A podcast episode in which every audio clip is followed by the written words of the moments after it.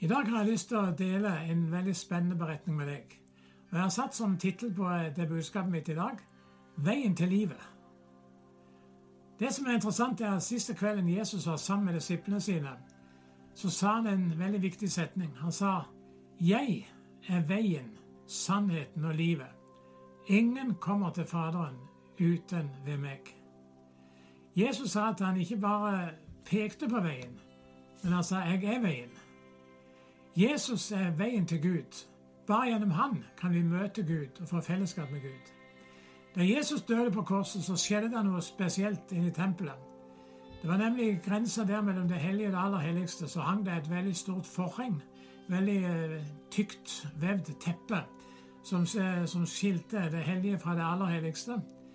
Og eh, dette Med det samme Jesus ropte det fullbrakt. Han oppga ånden. og og Jesus døde på korset, så revna det. Det ble revet i stykker, det forhenget, fra øverst til nederst. Det var et bilde på at veien til Gud hadde blitt åpna gjennom Jesus.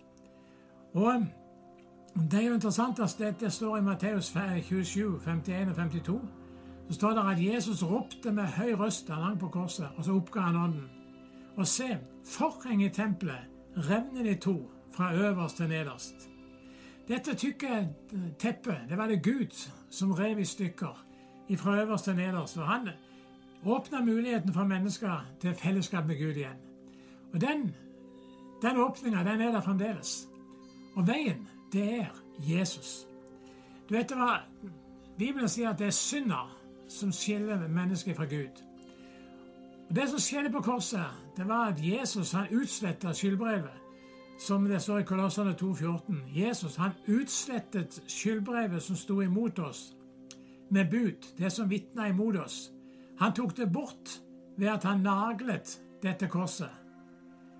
Altså Han gjorde det mulig for oss å få tilgivelse fra synd, fordi han tok alle, hele syndregisteret vårt. Og Så nagla han det til korset, og så svetta han det ut der gjennom sitt blod. Og Det står jo også videre i Hebrevet 10, 19 og 20. Så står det at så har vi da, søsken, frimodighet ved Jesu blod til å gå inn i helligdommen. Der har Han innviet oss en ny og levende vei for oss gjennom forhenget. Det er hans kropp. Jesus han er en levende vei til evig liv. Og Frelsen det er ikke bare en opplevelse, det er en vei å gå. Jesus sier 'jeg er veien'.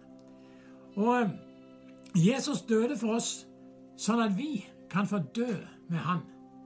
Problemet er synden, og dermed så må vi dø fra syndene våre. Og eh, Jesus sa det på den måten i Lukas 14. Han sier, 'Den som ikke bærer sitt kors og følger etter meg, han kan ikke være min disippel.' Altså, Jesus bar korset for oss. Men det som er viktig å forstå for oss, det er at vi også må bære vårt kors. Dvs. Si at vi må kutte ut alt som har med synd å gjøre, alt det som har med urene ting å gjøre for å bli hans disippel. En disippel er en lærling, og mesteren vår det er Jesus. Og å følge veien Jesus, det er å lære å bli mer og mer lik Jesus i alt det vi gjør, både i tanker, ord og gjerning. Du vet, Jesus han gjorde frelsen ferdig, fullstendig, forsonte oss med Gud, åpna porten til et Jesu liv som vi kan være sammen med Han, og Han kan være både vår mester og konge. Han åpna porten til livet. Han var livet. Men han sier tydelig at den porten, den er trang. Det står i Lukas 7, 13 og 14. Så sier Jesus, gå inn gjennom den trange porten. For vi er den porten, og bred er den vei som fører til fortapelsen. Og mange er de som går gjennom den.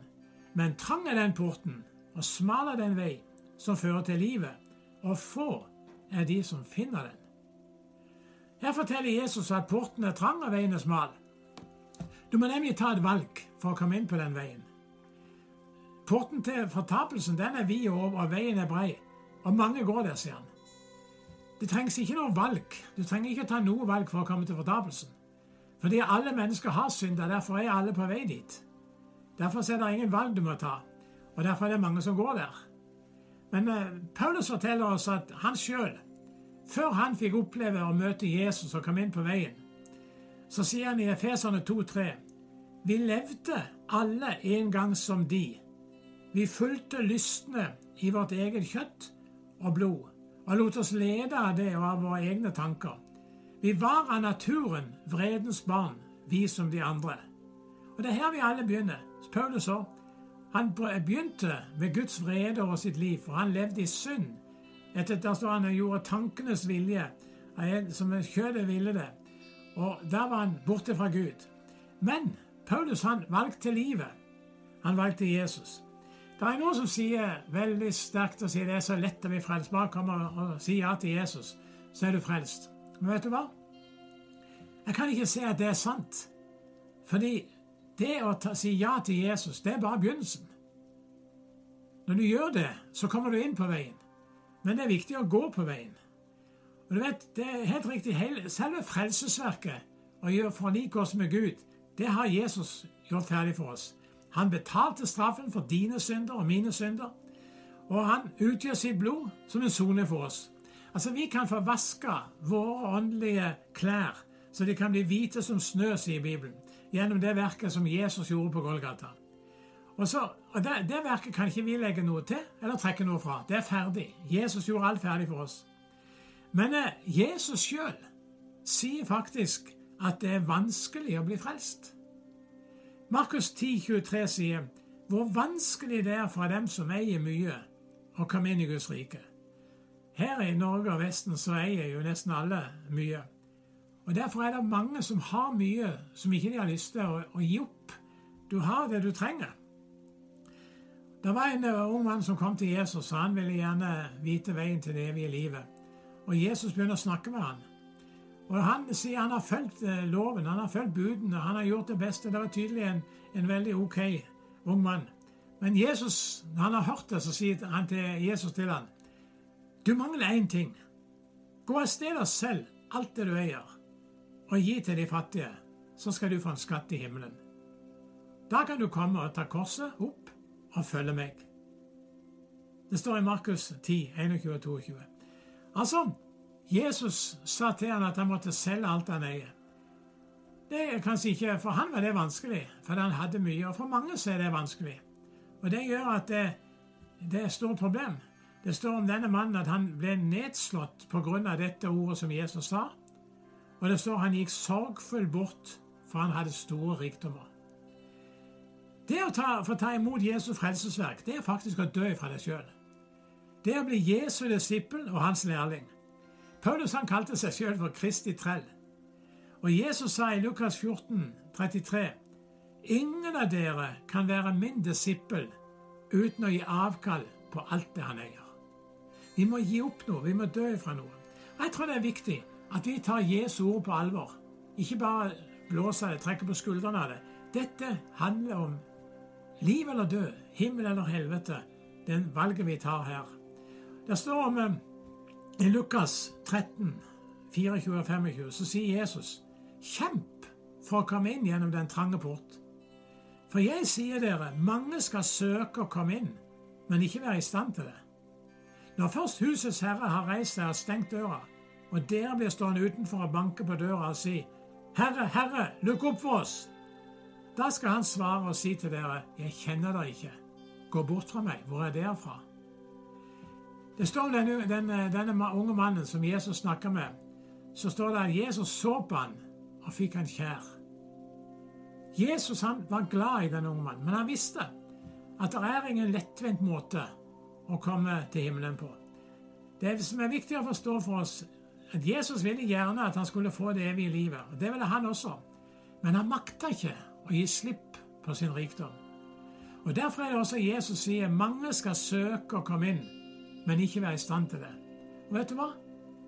Det er mange mennesker i dag som nok vil gjerne være kristne, vil gjerne komme til himmelen når de dør, men de er ikke i stand til å gi opp sitt eget.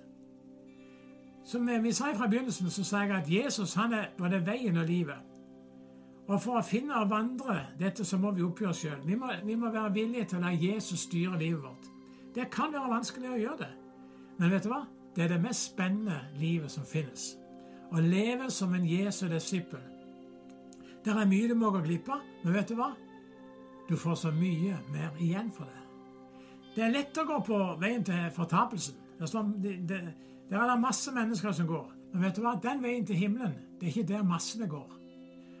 Og det som jeg tror vi må forstå, det er at den lønnen vi får for å gå på den veien med Jesus til himmelen, den belønninga vi får, det er evig liv sammen med Jesus i evigheters evighet.